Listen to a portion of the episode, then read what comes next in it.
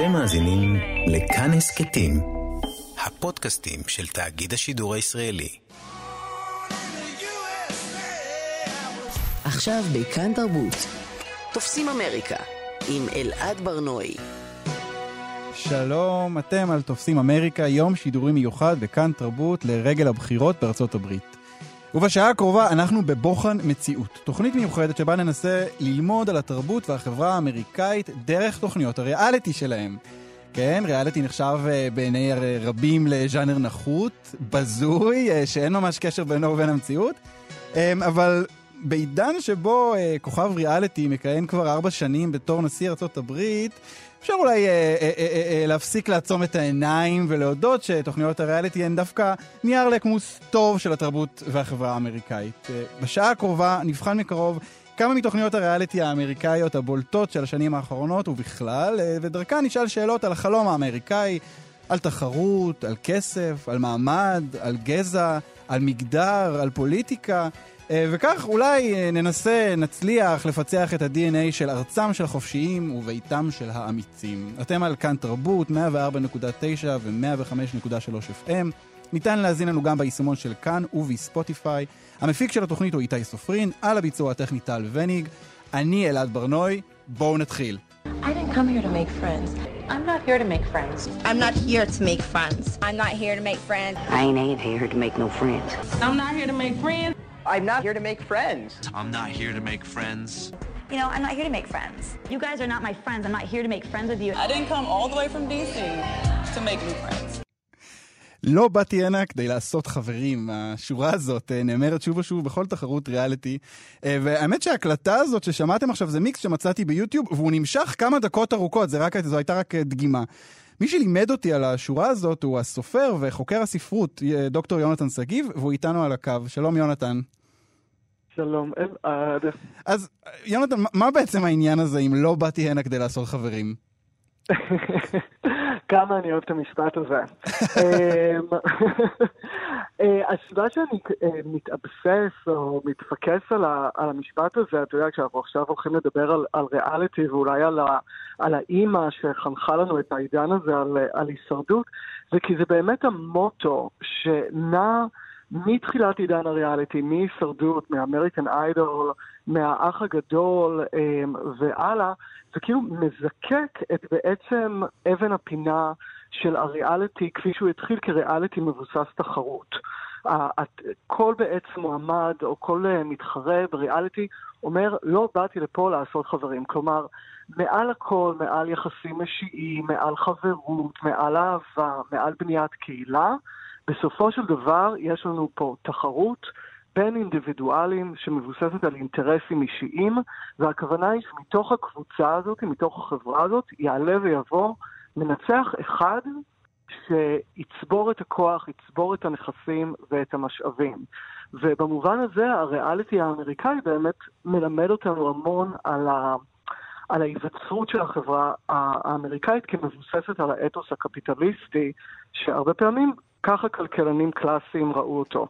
תחרות חופשית בין אינדיבידואלים, שמבוססת על האינטרסים האישיים שלהם, ואם נגיד אולי לך ולי, שאולי באים אה, מכיוון אחר, מכיוון יותר ביקורתי כלפי התיאור הזה, אנחנו צריכים להבין שהתיאור הזה בשביל כלכלנים קלאסיים, אני מדבר פה על המאה ה-18, הוא תיאור מאוד חיובי של החברה. הוא תיאור חיובי של הקפיטליזם כתוצר טבעי של היצר האנושי. כלומר, בעצם... מי, ש, מי שמוצלח, יש לו הזדמנות, והוא יכול פשוט להגיע למנוחה ולנחלה, לזכות בפרס, לזכות בבית, לזכות במה שהוא רוצה. בדיוק, זה בעצם המסגרת האופטימלית שמאפשרת לאדם ולחברה לשגשג. ובמובן הזה, זה מה שמרתק בעיניי בהישרדות בתור אה, ז'אנר הריאליטי שהתחיל את הכל. כלומר, אנחנו רואים כן את התחרות הזאת שדיברנו עליה גם באמריקן איידול וגם באח הגדול, שאפשר להגדיר את שלושתם אז בתור אה, האימהות של אה, הריאליטי, שאחר כך ילך ו- ויתגוון לז'אנרים אחרים ולסגנונות אה, אחרים. אבל מה שמייחד את הישרדות בתור פורמט מכל הפורמטים האחרים, זה שהוא בעצם ממש ממשיך לנו מסורת ספרותית ארוכה, של נגיד רובינסון קרוזו ושל בעל הזבוב, והוא לוקח את התחרות הזאת והוא מציג אותה בתור ממש מיתוס בראשיתי של החברה האנושית. כלומר, ככה היא נוצרת וככה היא נועדה להיות. כי מה יש לנו? יש לנו פה פנטזיה של אה, אי בודד, נכון, ללא ציוויליזציה, שאנחנו פתאום רואים בו אה, כמה אנשים שנשטפו אל החוף, והם צריכים בעצם לבנות חברה, או להתמודד זה עם זה. ואנחנו מתעלמים ו... מכל, זה כאילו טבולה ראסה, אנחנו מתעלמים מההיסטוריה של כל אחד, זה בעצם לא משנה, כולם הגיעו לכאן, כולם התנאים הם שווים, ועכשיו בואו נראה מי מצליח. בדיוק, ובאמת ככה, באופן נורא מעניין, כאילו, אתה יודע, עוד 300 שנה לפני ההתחלה של ההישרדות, ככה נגיד כלכלנים קלאסיים ניתחו את רובינזון קרוזו. הם ראו את זה בתור ספר, בתור איזה משל על איך נוצר הקפיטליזם כמשהו נורא נורא טבעי שפשוט נובע מהרוח האנושית, נכון? רובינזון קרוזו פשוט מתגלגל לו לאי, והוא מצליח להבין איך, איך כאילו לשרוד, איך לבנות משאבים, איך לטפח את ה... נכסים שלו. אבל אז מגיע מרקס, לדוגמה, ואומר, לא, אין פה שום דבר טבעי, יש פה תולדה של כוחות אה, היסטוריים וחברתיים וכלכליים, כי רובינזון קרוזו הוא לא מגיע כלוח חלק, הוא לא מגיע כטבולה ראסה, הוא... מישהו שמגיע מאירופה, מתגלגל מספינת תרופה, עם כל מיני כבר משאבים ראשונים ותודעה כבר של איזשהו קפיטליזם מוקדם שמתפתח, הוא גם קשור לסחר עבדים, בואו נגיד את זה, ו, וכתוצאה מכך הוא בונה את החברה הספציפית הזאת. כמובן גם שאנחנו מתעלמים, כשאנחנו, כשאנחנו מדברים על זה, אז אנחנו מתעלמים, מ, אה, חושבים על אי, אז מתעלמים ממי מי גר שם באי קודם, אם היה כזה, כי בהישרדות כמובן אה, אה, אנחנו מקבלים אי, לא יודע, מלאכותי, אבל ריק מתושבים, אבל... אבל, אבל זה מעניין מה שאתה אומר, יכול להיות שעכשיו מרקס הולך אה, להתהפך בקברו, אה, אבל אפשר, אפשר גם להשית את מה שהוא אומר אה, קצת על המבנה של, ה, של התוכנית, כי התוכנית כאילו מציגה לנו את הרעיון הזה שכל אחד מקבל הזדמנות שווה, כולם שם הם בעצם בתחרות ומי שיהיה הכי טוב יצליח, אבל אנחנו יודעים שזה לא ככה, אנחנו יודעים שיש התערבות, אנחנו יודעים שיש מי שמיועד או, או מקבל הזדמנות אה, יותר משמעותית לזכות. בדיוק, וזה זה, זה באמת מה שמרתק uh, בהישרדות ובפרשנות הזאת גם, שממש אפשר להכיל אותה על הפרשנות או על המחלוקת הפרשנות על רובינזון קרוזו. הישרדות מתחילה כזה באלפיים, אנחנו עוד כולנו גם כצופים, אנחנו נורא נורא תמימים לגבי ריאליטי, אנחנו באמת חושבים עליו בתור מין איזה, כמעט איזה דוקו ניטרלי לפחות ב... עונה הראשונה, שפשוט משקף לנו אנשים רגילים שנמצאים שם באיזושהי אינטראקציה. או מה שנקרא, כמו שחברה שלי אמרה לי, אה, גיליתי את נינט. אבל אף אחד מאיתנו לא ממש, לא רק גילה מתוך כזה איזו התבוננות תמימה את נינט, גם דחפו אותה אל המסך. וככה גם בהישרדות, היא מציגה כביכול איזו חברה בראשיתית, טבעית, אה, ניטרלית, אבל בעצם יש לנו פה משחק עם חוקים מאוד מאוד מוגדרים שמעודדים גם את התחרות. אז אנחנו כאילו מצד אחד התחרות היא טבעית, ומצד שני מאוד ברור מה קורה פה. יש פה שני שבטים, השני שבטים האלה בסוף יתפרקו וזה יהיה תחרות של אינדיבידואלים, ובסופו של דבר יהיה אך ורק מנצח אחד. נכון, כי גם, גם, לא, גם כך... הבריתות שיש שם בעצם הן, אה, הן זמניות, כי בסוף נמצא רק מנצח אחד. בדיוק, וזה מה שמדהים לחשוב על זה, שזו תוכנית שבאמת מקדשת את היחסים בין בני האדם, כי יחסים שהם לחלוטין כלכליים, הם לחלוטין אינסטרומנטליים. גם אם יש בריתות, גם אם יש אחווה, גם אם יש התקרבות, היא בסופו של דבר היא אמצעי למטרה. ובמובן הזה זה באמת הדהוד מתמשך גם של איך שרואים את האתוס הקפיטליסטי ואת האתוס האינדיבידואלי באמריקה. היכולת הזאת של האינדיבידואל ליצור את עצמו, לחצות גבולות, להגיע אל הפסגה, מכוננת יחסים שהם מאוד מאוד תועלתניים בין אדם לחברו, החברה נדחקת אל הרקע, והאדם היחיד שהשיג את הכל, שהשיג את הדומיננטיות, הוא זה שזורח מולנו. אבל באמת זה לא כל כך שיקוף של המציאות, כמו גם כל הזמן מין כינון ועיצוב שלה, כי הישרדות בעצם דוחפת את האנשים לתוך המבנה הזה, וזה היה די מדהים לראות בעונה הראשונה של הישרדות, באמת לראות את התמימות הזאת נשברת, את הרגע הזה שמי שהולך לנצח במשחק מבין, הוא מבין שהוא נמצא במשחק, הוא מבין שהוא צריך לפעול על פי mm. אינטרס אישי, וככה הוא מנצח, כי הוא, הוא מבין שנייה לפני כולם. בעונה הראשונה של הישרדות, עוד חלק מהמתמודדים כאילו אומרים, מה, אני צריך להעיף אנשים מהאי, אני לא יכול להתמודד עם זה. זה כבר דבר שאנחנו לא נראה בעונות המאוחרות יותר, כשהמתמודדים כבר מבינים ומגיעים עם מודעות למצלמה, מודעות למשחק, מודעות לחוקים. אז התוכנית מייצרת מציאות. אני חושב גם בכלל על, ה, על הפורמט הזה. היום המון מהריאליטי שאנחנו רואים, וגם שאנחנו הולכים לדבר עליו בהמשך התוכנית, בכלל לא מבוסס על תחרות. אבל באמת, ההתחלה של זה אה, אה, הייתה מבוססת על איזשהו רעיון של, אה, של כישרון, של לי יש סט של כישורים שבזכותו אני אצליח, אני חושב על, באמת על אמריקן איידול כמובן, על, על השירה, על, על הישרדות שזה כישורים פיזיים ולא יודע, פוליטיים אולי, והמתמחה כמובן, שזה, שזה כישורים עסקיים, כלכליים וכאלה. ו, ובמובן מסוים זה, זה כאילו חותר תחת הרעיון של עצמו. כי מה שהוא אומר זה, אם אתה מספיק טוב, אם אתה מספיק מוכשר, אתה תצליח, אבל הריאליטי עצמו, בעולם שלנו, הוא משמש כמו מין מסלול עוקף אה, של החלום האמריקאי. כלומר, אנשים שהולכים לשם זה אנשים שרוצים אה, אה, אה, אה קיצור דרך. לא אה, לעבוד כל החיים ולהצליח להשיג את, את אותו חלום, את הבית בפרברים עם גדר לבנה, אלא לפרוץ מיד לתהילה, להגיע למיליון דולר וזהו, שיחקתי אותה. כן, זה מאוד מעניין מה שאומר. אני, אני, אני מסכים, ואני חושב שאבל...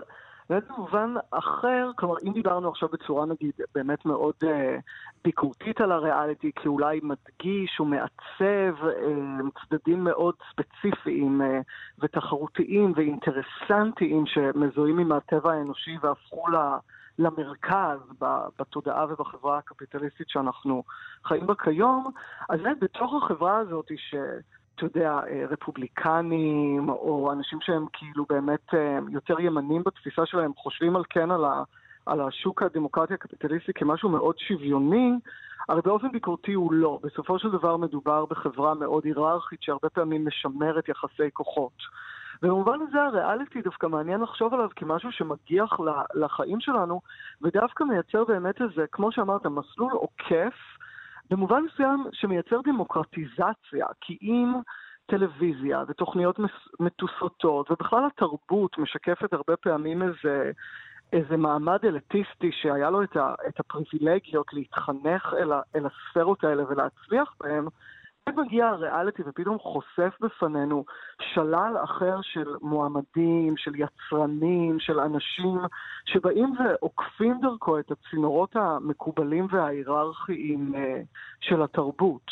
אז אפשר להגיד שגם אם באמת הריאליטי הוא באמת מין ז'אנר מאוד... אה, בכל זאת גם מניפולטיבי ומאוד uh, מודע, וכיום אתה צריך נראה לי כבר לעבור כל כך הרבה מבחני סף, שזה הפך להיות uh, צינור היררכי בפני עצמו, כן יש בו איזה אלמנט דמוקרטי של uh, הרחבת הייצוג והרחבת המבחר והרחבת הכישרונות.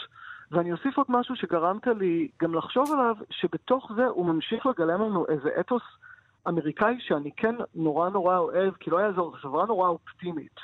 זו חברה שכאילו התחילה על, נכון? כן, אפילו כשאין אף סיבה לאופטימיות, הם ממשיכים להיות אופטימיים, זה, זה יפה. בדיוק, והיום הזה, כן, הלוואי שכולנו נהיה אופטימיים, כאילו היום, ובאמת, טוב, כן, אני רוצה שטראמפ יפסיד, אבל, אבל אני אחזור, אה, אני רואה לדבר על זה שבאמת זה איזה אתוס אופטימי של כיבוש טריטוריות חדשות, וגילוי יבשות חדשות, ובניית חברה חדשה, וגם אמונה נורא נורא גדולה, נכון, ב-average Joe, באדם הרגיל, ובמובן במובן הזה, אמ, גם מה שדיברת על איך שהז'אנר מתפתח מרק תחרות לפשוט לעקוב אחרי כל מיני אנשים מכל מיני שורות החברה שהופכים לכוכבים לנגד עינינו, אז יש משהו נורא גם אופטימי ודמוקרטי בז'אנר של הריאליטי. הוא מגלם את ההבטחה הזאת שכל אדם יכול להגשים את עצמו ולזרוח ולייצר את גורלו.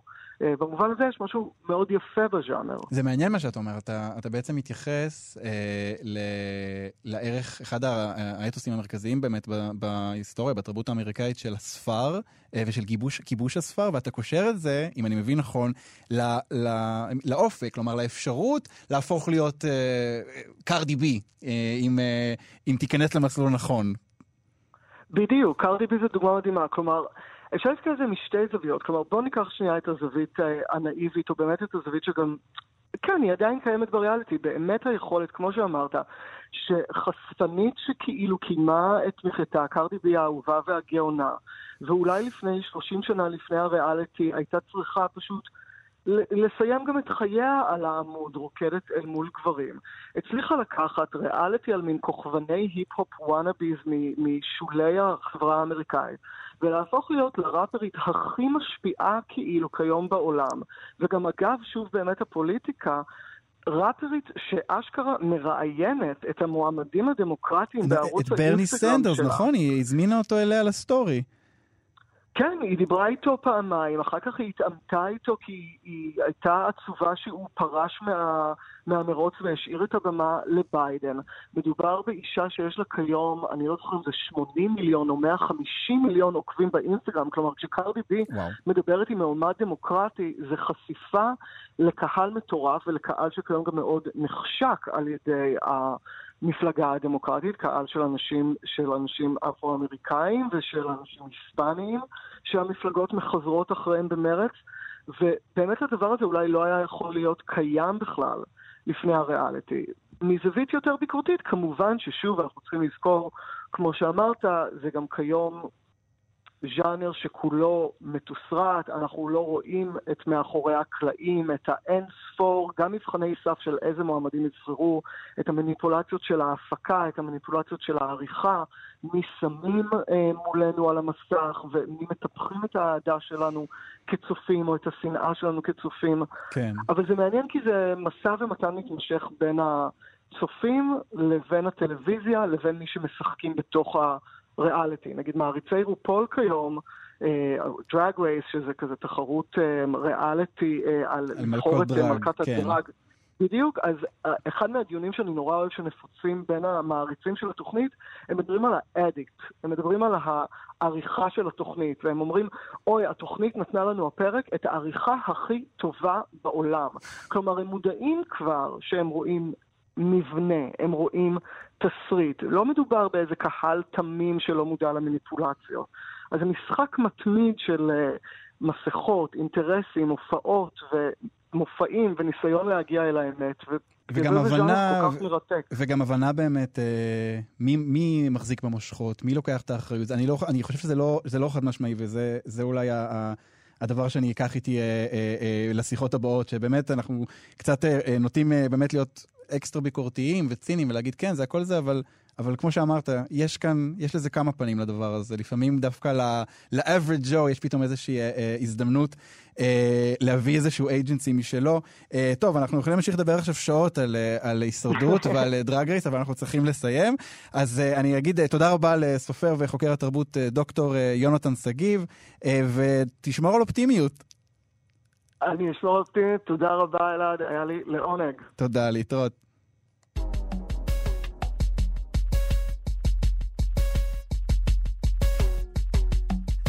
bring you out the out the darkness. Sweet King Martin, sweet Queen Coretta, sweet brother Malcolm, sweet Queen Betty, sweet Mother Mary. Joseph, sweet Jesus. We made it in America,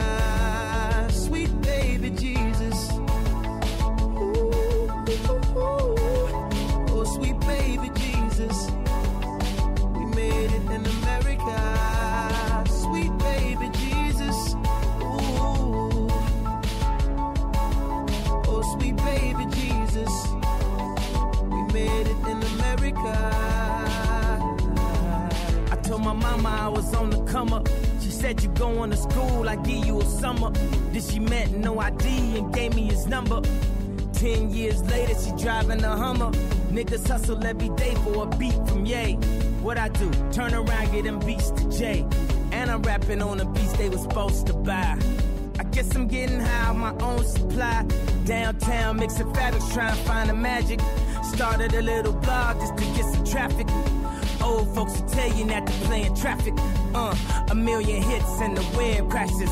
Damn, South Park had them all laughing. Now all my niggas designing and we all swagging. Uh, ignore the critics just to say we did it. This ain't no fashion show, motherfucker, we live it. Martin,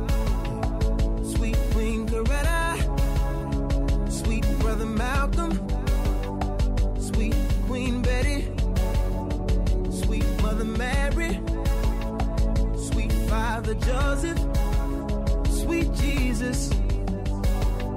We made it in America, sweet baby Jesus.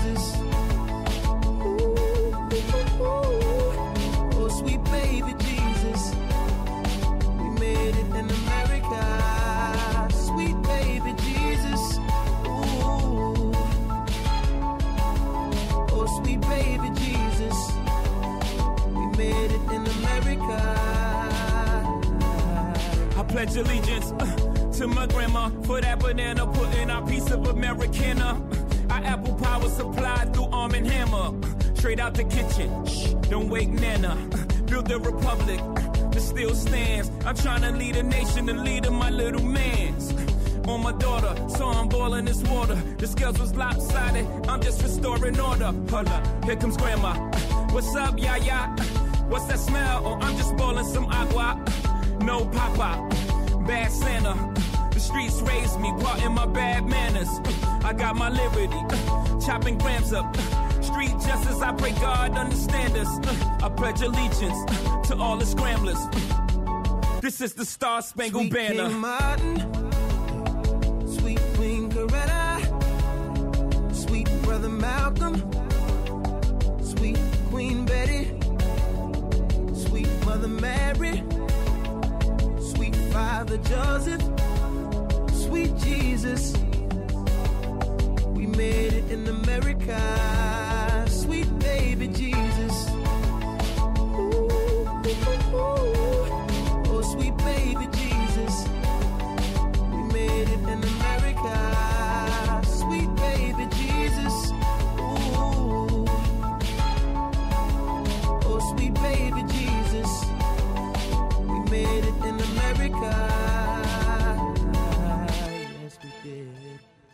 ג'יי-זי, קניה ווסט, פרנק אושן, מייד אין אמריקה. כאן תרבות, תופסים אמריקה, בוחן מציאות, תודה שחזרתם אלינו. אחת מתוכניות הריאליטי הבולטות של השנים האחרונות היא כמובן משפחת קרדשיאן. אי אפשר לדבר על ריאליטי בלי לדבר על הקרדשיאנס. אה, בשנה הבאה, אחרי 20 עונות, היא תרד מהמסך. אה, אה, יש אה, לפחות אדם אחד באולפן הזה שקצת נשבר לו הלב כשהוא שמע על הבשורה הזאת.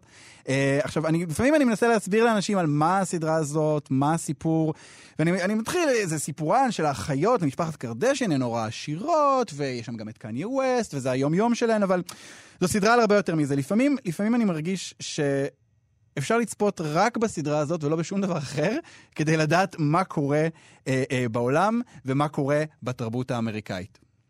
So, what does carpe diem mean? I think it means like zen. It means seize the day. How come I don't know that? You went to school a long time ago. Kim, would you stop taking pictures of yourself? Your sister's going to jail. Kim Oh always sees God. the effect of everyone on what we're doing. משפחת קרדשן אה, יצרה סוג של תת-ז'אנר. אה, אלה תוכניות שבמרכזן רק נשים. אה, בניגוד לתוכניות שדיברנו עליהן עד עכשיו, אין תחרות, אין פרס, אין ממש עלילה. זה פשוט החיים שלהן, או העבודה שלהן, או גם וגם. ואיתנו כדי לדבר על התוכניות האלה, הפובליציסטית, הפעילה התרבותית, הדי-ג'יי, חן אלמליח. שלום חן. היי אלעד, מה קורה? בסדר, אז, אז בואי קודם נעשה איזשהו, אה, אה, נתחיל לזרוק אה, שמות של עוד אה, אה, תוכניות כדי שנדע על מה אנחנו מדברים. אז יש לנו את אה, משפחת קרדשן, אה, יש לנו את אה, עקרות הבית האמיתיות, נכון? נכון. אה, עקרות בית אמיתיות, אה, אה, שזה במרכז ה... התוכנית הזאת שכבר אה, יש לה המון המון עונות, אה, ובעיקר, כאילו, נשים, נשים, עקרות בית מכל מיני מקומות בארצות הברית, אה, עוקבים אחרי החיים שלהם, אתה יודע, יש באטלנטה, ניו ג'רזי, ניו יורק, בברלי הילס, אה, ויש יש עוד המון, יש עוד המון תוכניות. אני חושב גם על, על. Selling Sunset, שאפשר גם, אני חושב, להכניס לקטגוריה הזאת. Selling- אה, Sunset לאחרונה, נכון, סדרה שעלתה בנטפליקס, על אה, מתווכות בלוס אנג'לס. מתווכות נדל"ן, נכון? ו... נכון. ו- ובעצם, אז אנחנו רואים שיש, זה, זה, זה מין תת-ג'אנר כזה, אה, יותר ויותר ריאליטי, אה, שמתמקד רק בנשים.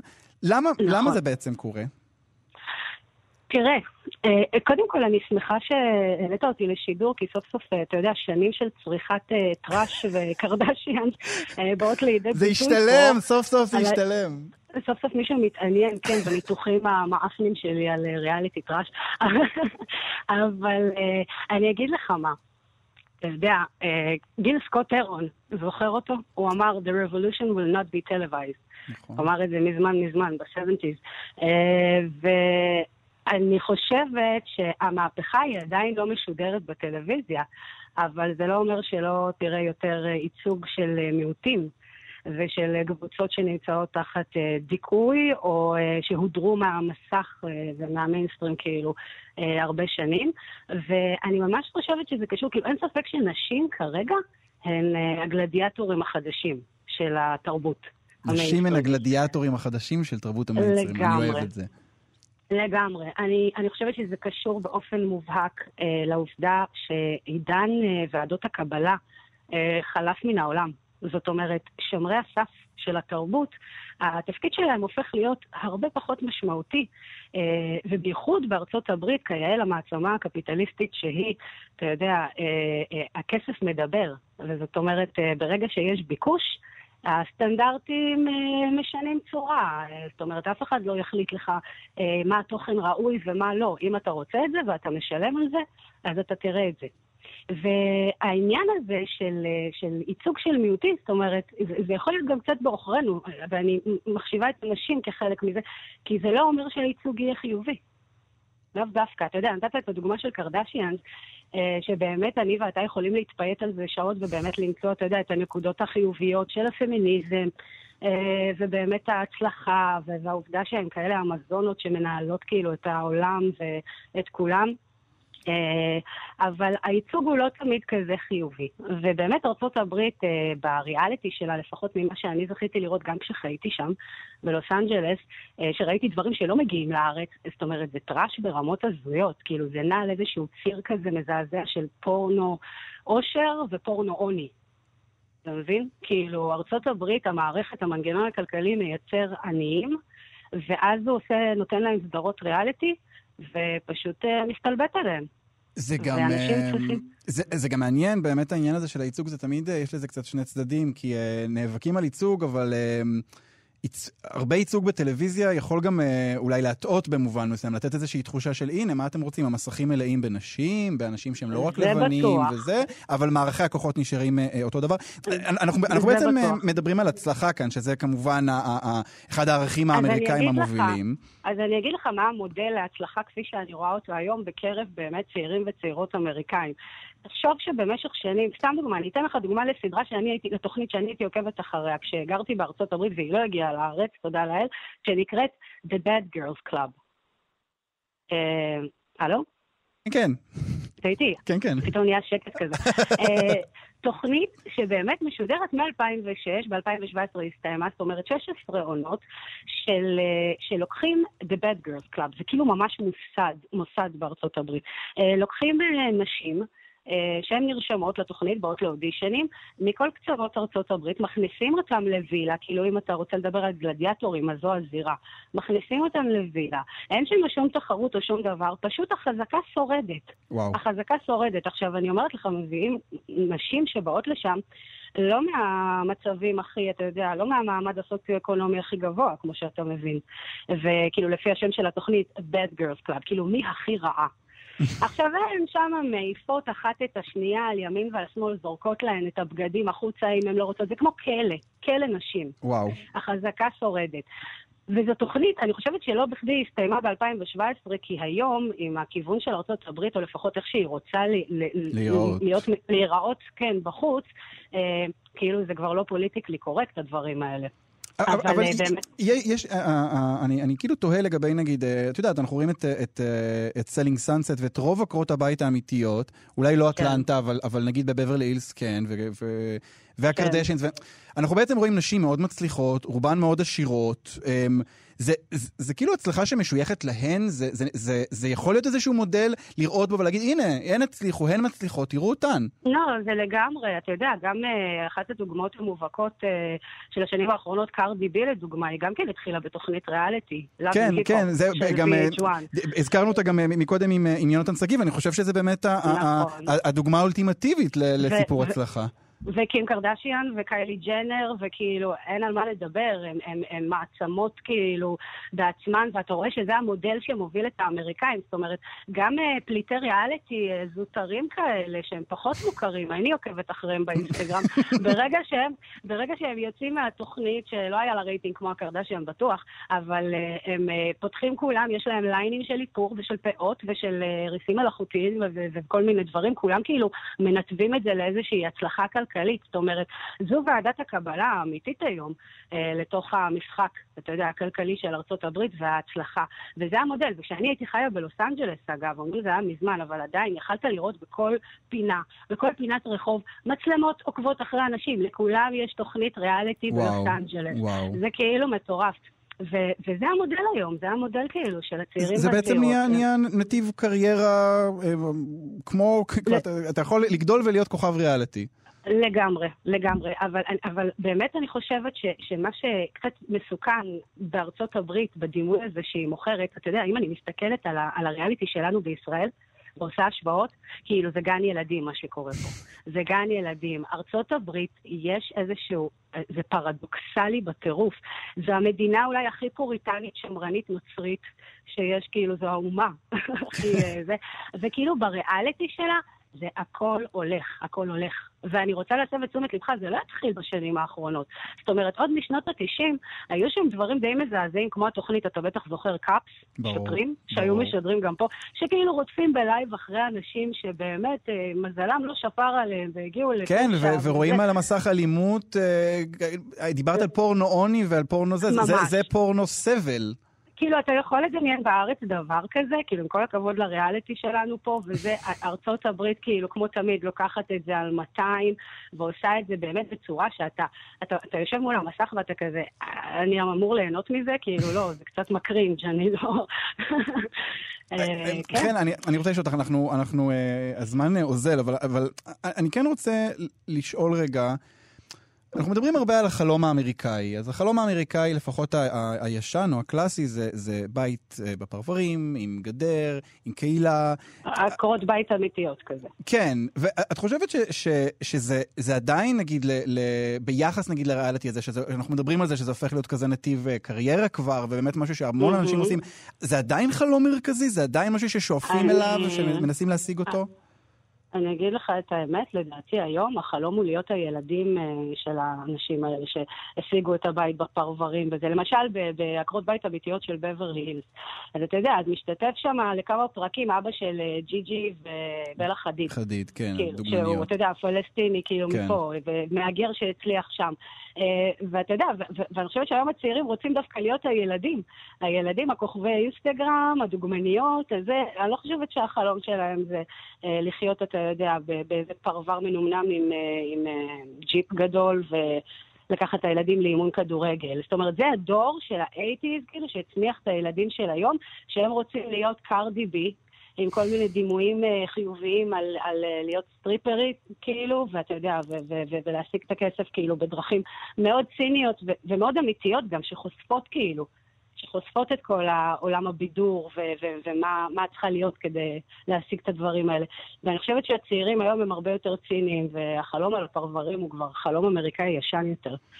כן, טוב, יכול להיות שאנחנו מסתכלים עכשיו על uh, החלום האמריקאי החדש. Um, uh, טוב, אנחנו uh, צריכים לסיים. אני רוצה להגיד לך תודה רבה, uh, חן אלמליח, פובליציסטית, פעילה חברתית, די-ג'יי, uh, ושיהיה בהצלחה היום בבחירות. לגמרי, לך להצביע. ברור. תודה, חן. יאללה, ביי. The name of this tune is Mississippi Goddamn.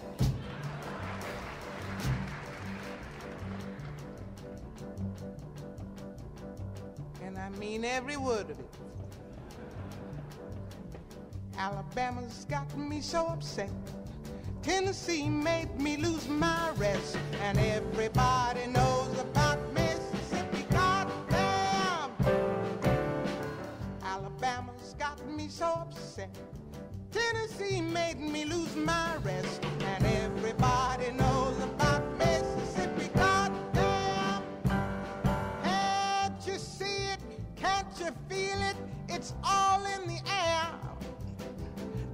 can't stand the pressure much longer. Somebody say a prayer. Alabama's gotten me so upset. Tennessee made me lose my rest. And everybody knows about Mississippi. Goddamn! This is a show tune, but the show hasn't been written for it yet.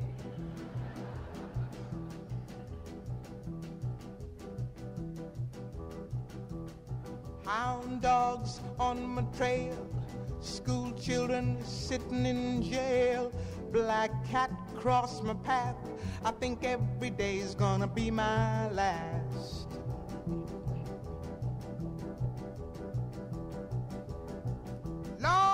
Have mercy on this land of mine. We all gonna get it in due time. I don't belong here, I don't belong there. I've even stopped believing in prayer.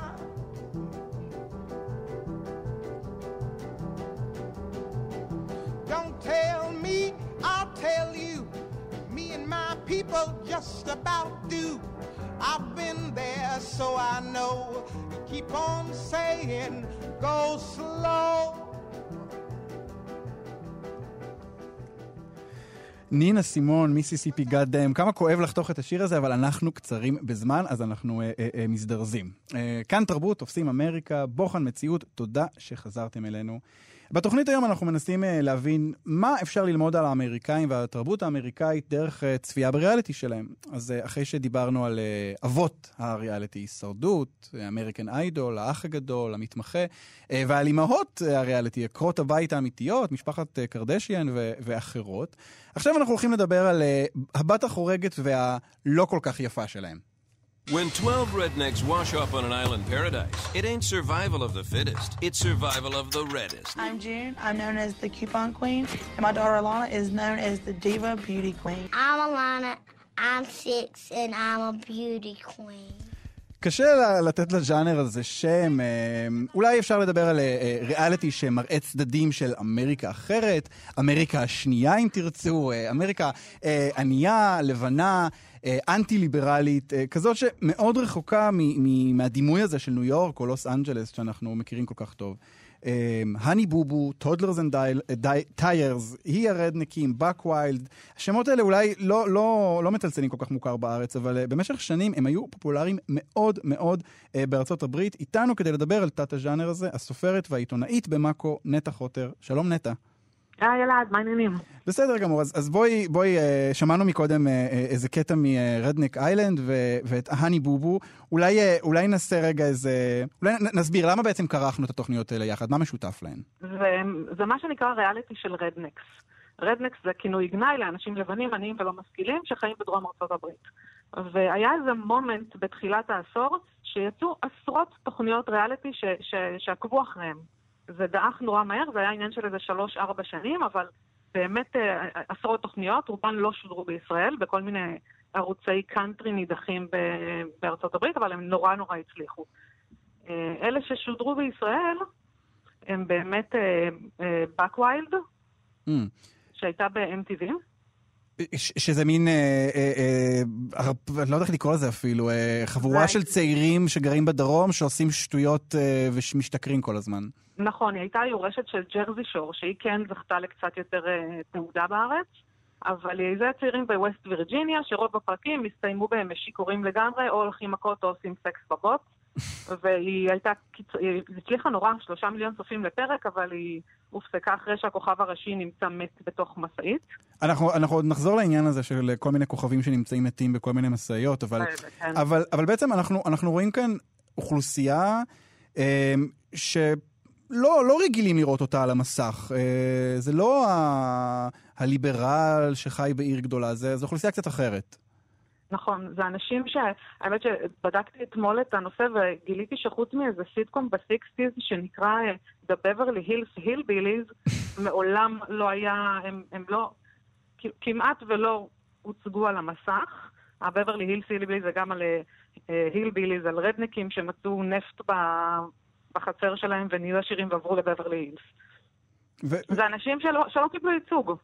אז, אז בעצם אפשר להגיד שהטלוויזיה המתוסרטת, כלומר הסדרות, קצת, קצת שיקרו לנו. שיקרו לנו לגמרי, לדעתי מתארגנת תביעה ייצוגית עכשיו נגד ריין מרפי, כי זה באמת אה, שליש מארצות הברית, זה מעל אה, 40 מיליון אמריקאים שהם עניים נורא, הם חיים מתחת לקו העוני, זה כל הדרום, ש- כמעט כל הדרום, שהם, אה, שהם לא, שלא ראינו אותם, לא ידענו בעצם על קיומם כצופים מישראל, כצופי טלוויזיה ישראלים. ואני אני מנסה כזה אה, אה, בעצם, ל- ל- ל- בוא ננסה אולי ל- ל- ל- לדבר על האני בובו ודרך זה, זה זה יצא בצורה יותר טובה. כי האני בובו, אני חושב שזה, שזה דוגמה מצוינת. אה, זה סדרה, בוא- בואי נספר על זה רגע. זה, זה בעצם על ילדה, נכון? שקוראים לה אלנה. נכון, אלנה תומפסון, אנחנו הכרנו אותה בגיל 6 בטודלר זנטיארז, שזה ריאליטי על תחרויות יופי של ילדות. כן, ביוטי פג'נט קוראים לזה כן. שם, נכון? שהן עוברות שיזוף בהתזה ושזירת שיער ומלא טנטרומים על האימהות שלהם ועולות לבמה בבגד ים וצריכות לרקוד. זה נורא מצליח, זה גם שודר בארץ ב-yes לדעתי. כן.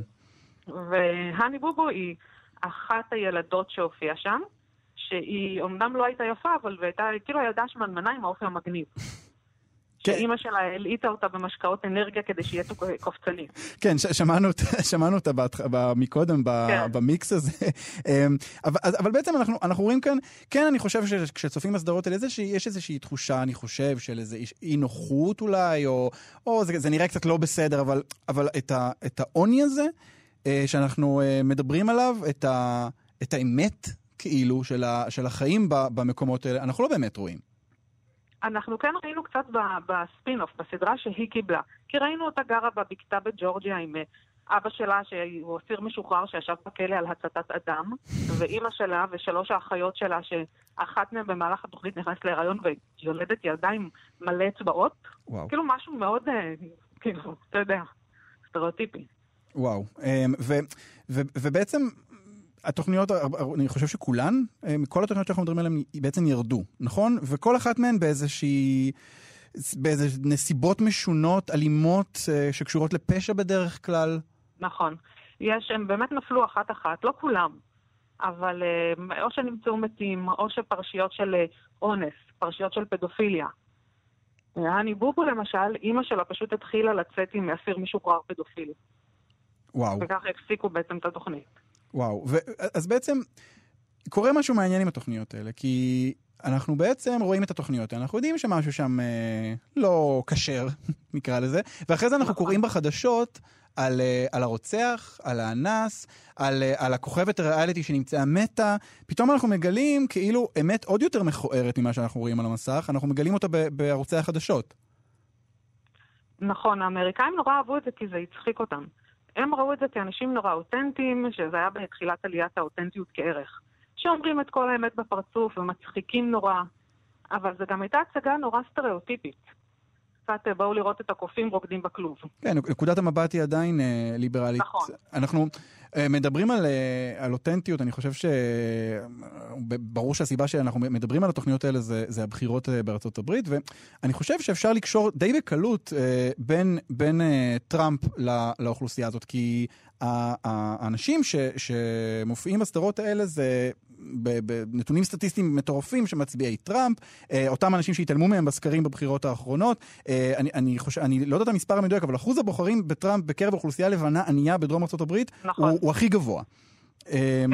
זה קשר שאי אפשר ל- ל- להתעלם ממנו, נכון. ו- וזה מעניין, הערך הזה של, ה- של האותנטיות שכאילו עלה, כי גם טראמפ עלה על איזה card כזה, על איזה קלף כזה שהוא אה, הוא מביא את, ה- את הקול האותנטי, הוא אומר את האמת בפנים.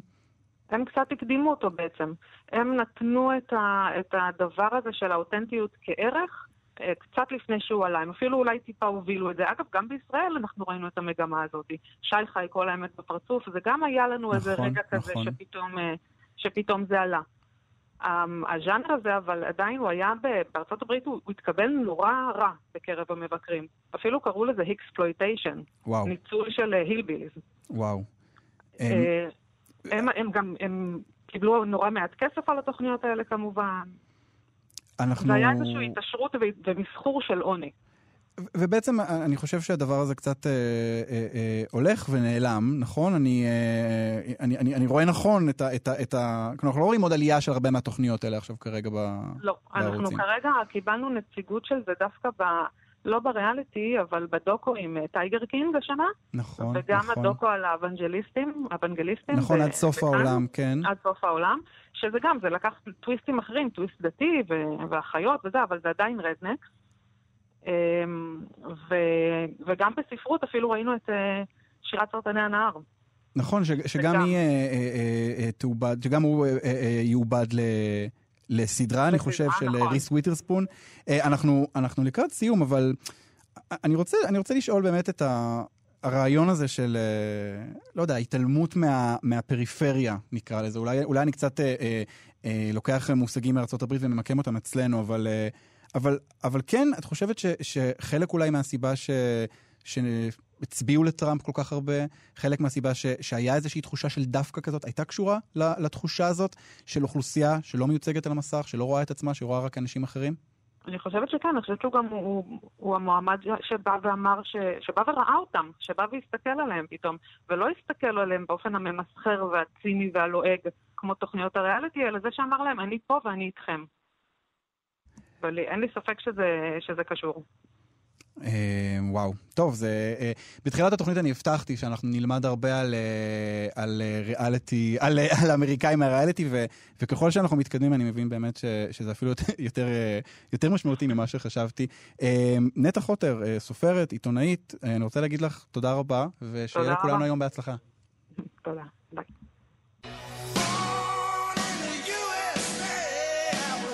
עכשיו בכאן תרבות. תופסים אמריקה, עם אלעד ברנועי. אה, תופסים אמריקה, תודה שחזרתם אלינו. אז היום, אה, אה, לכבוד הבחירות בארצות הברית, אנחנו כאמור מנסים ללמוד כמה שאפשר על החברה והתרבות האמריקאית דרך הריאליטי שלהם. טוב, אז שם אחד שעולה כאן כל הזמן הוא של נשיא ארצות הברית, דונלד טראמפ כמובן.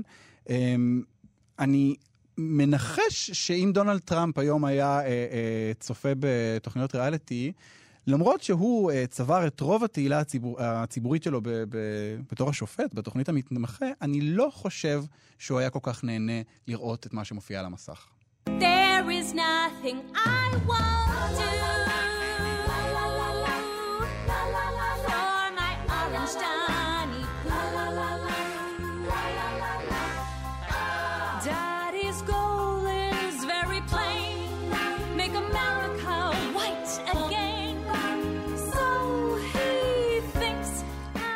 הקטע שאנחנו שומעים ברקע הוא uh, מתוך מחזמר על טראמפ, שנעשה בתוכנית המרוץ לדראג של רופול, שכבר הזכרנו היום. Uh, זו תוכנית ריאליטי שמתחרים בה, בה מלכות דראג, והפכה מאוד uh, פופולרית בשנים האחרונות. עכשיו, עם הפופולריות שלה, היא גם הפכה לאחת התוכניות הכי פוליטיות על המסך, שמתנגדת באופן מובהק אה, ובוטה, צריך להגיד, אה, לשלטון טראמפ. אה, והיא לא היחידה, יש עכשיו ממש גל של ריאליטי טלוויזיוני שהוא אנטי-טראמפ במובהק. אה, תוכניות שלא מסתירות את הגישה האנטי-רפובליקנית בשום שלב. עכשיו, מה לריאליטי אה, ולפוליטיקה? אה, איתנו על הקו כדי להסביר, אה, עדן יואל, עורך במאקו תרבות ומגיש הפודקאסט כמעט מפורסמים. היי עדן. אהלן, מה העניינים? בסדר, אז אנחנו מאוד קצרים בזמן, אז אנחנו נהיה צריכים להזדרז, אבל אנחנו נכסה את הכל. אמ, אז אני רוצה לשאול אותך, אנחנו לא חושבים על, על ריאליטי שעוסק בדרג קווינס כמקום שבו ייערך דיון פוליטי משמעותי. למה דווקא דרג רייס?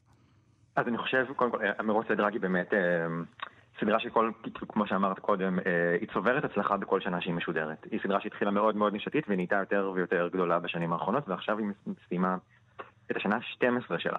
ואני חושב שהיא ותוכניות אחרות הבינו שפשוט אין להן יותר את הפריבילגיה אה, לשבת בצד ולא לנקוט איזושהי דעה, בטח כשמדובר באוכלוסייה שהיא כאילו, אה, היא לא על הכוונת של טראמפ, אבל היא כאילו על הכוונת הקלאסית שלו, כאילו מאוד קל להשתלח בקהילה הלהט"בית, מאוד קל להתייחס אליה כאל איזה מין אה, מקום צבעוני ושמח אה, בטלוויזיה שהכל מותר והכל קורה בו, ויש כאילו היה בדרג רייס ממש ניסיון אקטיבי, זאת אומרת מי שצופה בסדרה יודע שבסוף כל פרק המתמודדות מחזיקות ממש שלט שמעולה, שהולך ומעודד אנשים אה, לצאת ולהצביע, אה, שהם אירחו יותר מפוליטיקאית אחת. נכון, אומרת, אנחנו חושבים על אה. ננסי פלוזי שהתארחה שם. אה, אה, ו-AOC, כמובן. חברתנו אלכסנדריה אוקסיו-קורטז, שאולי ואולי לא הייתי צריך להתאמן כדי להבין בדיוק איך אומרים את השם הזה. אז, באמת, זה מעלה שאלה כי, אתה יודע, זו תוכנית סך הכל... לא נראית כאילו היא לוקחת עצמה יותר מדי ברצינות, בכל זאת, גברים שמתחפשים לנשים, המון פאן, המון... הפוליטיקאים לוקחים את זה ברצינות? כלומר, הם מתייחסים לזה ממש בתור אאוטלט פוליטי? חד משמעית. זאת אומרת, אה, באופן כללי אני חושב שלפוליטיקאים אמריקאים יש איזה מקום באקולוגיה של הבידור, שזה אה, קצת אה, מונח אולי שנשמע טיפה גבוה, אבל להגיד, יש ממש מקום, יש היסטוריה של פוליטיקאים שהולכים ומשתתפים בתוכניות ריאליטי למשל אחרי הכהונה שלהם. אנחנו רואים את זה גם בישראל, אבל בארצות הברית זה ממש משהו שהוא רווח. שון ספייסר עשה השנה רוקדים עם כוכבים. שרה פיילין היא כאילו... כן, היא הייתה בזמר במסכה. אבל אני מנסה כן. לחשוב על סיטואציה אחרת, שבה מועמד, אה, או, או חבר, אה, או שר, אה, מתארח בתוכנית, אה, טוב, אין לנו מקבילה מקומית למרוץ לדרג, אבל, אה, אבל, אבל זה, כן, זה, זה כן נראה לי משהו יחסית חריג. כלומר, אתה רואה אה, שרים, אתה רואה אנשים אה, רמי מעלה, שנמצאים בסיטואציה שבה גם יש... אה, אני לא רוצה להישמע פוריטן, אבל גסויות ו, ודברים שהם לא, לא החומר הרגיל שהם משווקים בקמפיינים פוליטיים. נכון, ראינו, אה, מסכים מאוד, אני חושב שראינו בשנים האחרונות ניסיון של המפלגה הדמוקרטית בעיקר אה, לנסות ולראות יותר צעירה ויותר מגניבה. ראינו את זה למשל כשמישל אובמה הופיע אה, לתפקיד אורח במחלקת גנים ונוף, נכון. בסיטקום. שאגב היה סיטקום יחסית פוליטי כאילו באווירה שלו וגם כזה ג'ון מקיין היה שם. ידידנו המועמד הדמוקרטי גם התארח שם, היה פה רגע ששכחתי, קוראים לו ג'ו ביידן. ג'ו ביידן אנחנו מדברים, כן. אבל, אבל יש גם עוד דוגמאות בעצם מעולם הריאליטי, נכון? כלומר זה לא רק המרוץ לדרג. זה לא רק המרוץ לדרג, שהבינו כאילו שלפוליט... אני רוצה להגיד כאילו שלפוליטיקאים יש אינטרס מאוד מאוד רציני להופיע בתוכניות רציניות, כי כאילו, וגם בלא רציניות, כי זה פשוט חשיפה לקהלים שהם לא היו נחשפים אליהם קודם. אז... הדוגמה האהובה עליי בתולדות הריאליטי ובתולדות הטלוויזיה אולי, אה, לשילוב של פוליטיקה קרתה בערך לפני שנתיים בעונה האחרונה של הטופ מודל הבאה, שזה ריאליטי שעוסק בכלל אה, בדוגמנות ובאופנה. אה, וזה היה משהו כמו שנתיים לתוך הכהונה של טראמפ, שאחת המתמודדות סיפרה, יש בטופ מודל הבאה, יש פרק מסורתי בכל עונה, לוקחים את הדוגמניות הצעירות ועושים להם מהפך חזותי והופכים אותן ליותר ראויות להיות דוגמניות. זה בדרך כלל כולל איזושהי החלקת שיער או אישור שיניים. ו... כשאחת המתמודדות סיפרה שהיא אה, הצביעה רפובליקני, כלומר voted red, אה, קיבלה עונש מהתוכנית. ההפקה של התוכנית אמר, אמרה לה מפורשות, you voted red, so we're making you red, אה, והמתמודדת הזאת קיבלה צבע שיער ג'ינג'י שהיא לא רצתה. לא הגיבה עליו טוב, ואפילו הודחה באותו פרק, אך ורק בגלל הדעות הפוליטיות. אז אני רוצה לשאול אותך, עדן, האמת שזו נקודה טובה, כי אני חושב גם, גם במרוץ לדרג יש באמת, אה, אה, היה פעם אחת שמישהו אמר שהוא הצביע, שהוא רשום כרפובליקני, ו- וכולם היו נורא בהלם. אני חושב על זה שממש מדברים עליו בגסויות, בזים לו בשידור. עכשיו, זה... זה זה איזושהי נקודת הנחה שאולי הקהל הוא קהל גם ככה דמוקרטי, אז הוא נהנה לשמוע את זה. אבל בסופו של דבר אנחנו רואים כאן, אה, וואו, אני רואה שאנחנו ממש לקראת סיום, אבל אנחנו, אנחנו, רואים, כאן, אנחנו רואים כאן בעצם אה, אה, אוכלוסייה שלמה שמצביעה אה, לרפובליקנים, לטראמפ, לא משנה, והם רואים את המועמד שלהם אה, אה, עובר שחיטה בתוכנית האהובה עליהם. ואני לא חושב שזה כזה נורא, אני חושב שזה, זאת אומרת, עבור ההפקה של התוכנית, ברור שאנחנו יכולים להגיד, אוקיי, סבבה, זה לא אתי וזה לא מייצג את הלך הרוח האמריקאי, fine, whatever. אני חושב שההפקה של התוכנית מתעסקת קודם כל ב... אה, בנראות ובהתקבלות של התוכנית בתקשורת, אה, ולצחוק על טראמפ זה כרגע חלק מהבונטון האמריקאי, וזה ממש משהו לגיטימי לעשות, וכולם עושים אותו בתוכניות יותר רציניות ופחות רציניות.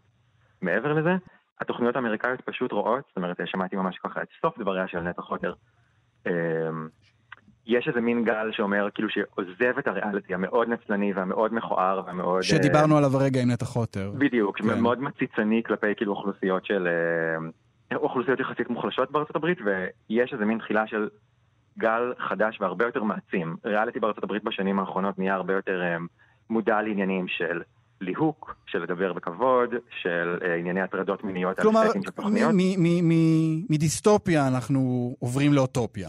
לאט לאט. זאת אומרת, זה ממש ממש baby steps, אבל העובדה שבאמת אפשר לקחת uh, נושא טעון כמו מערכת הבחירות של 2016 ולצחוק עליו בתוכנית שעוסקת בדוגמנות בכלל ולהגיד למישהי, תקשיבי, כאילו, את בתעשייה שבה אה, לצחוק על רפובליקנים זה, זה חלק מהמשחק.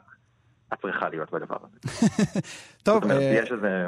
אה, אני, אני, אני מחזיק אצבעות ש, שמתוך הריאליטי אנחנו נעבור מדיסטופיה לאיזושהי אה, אוטופיה. עדן יואל... ושנקבל נשיא גם, כאילו שאפשר לצחוק על התסרוקת שלו שוב, זה חשוב לי. תודה רבה, עדן יואל, עורך במאקו תרבות, מגיש הפודקאסט כמעט מפורסמים, להתראות. ביי. וזהו, אה, אנחנו סיימנו. בוחן מציאות עושים אמריקה. אחרינו, מה שכרוך בתוכנית מיוחדת על ספרות אמריקאית. באחת, נתיב רובינזון על התרבות של הוואי. בשתיים, סרוויס, תוכנית האוכל שלנו, שואלות האם יש דבר כזה קולינריה אמריקאית, וממשיכים עם תוכניות מיוחדות עם מוזיקה, שירה ופילוסופיה אמריקאית עד שבע בערב. תודה לאיתי סופרין שהפיק, תודה לטל וניג על הביצוע הטכני. אני אלעד ברנוי, נסיים עם ריהנה, American Oxygen. ביי.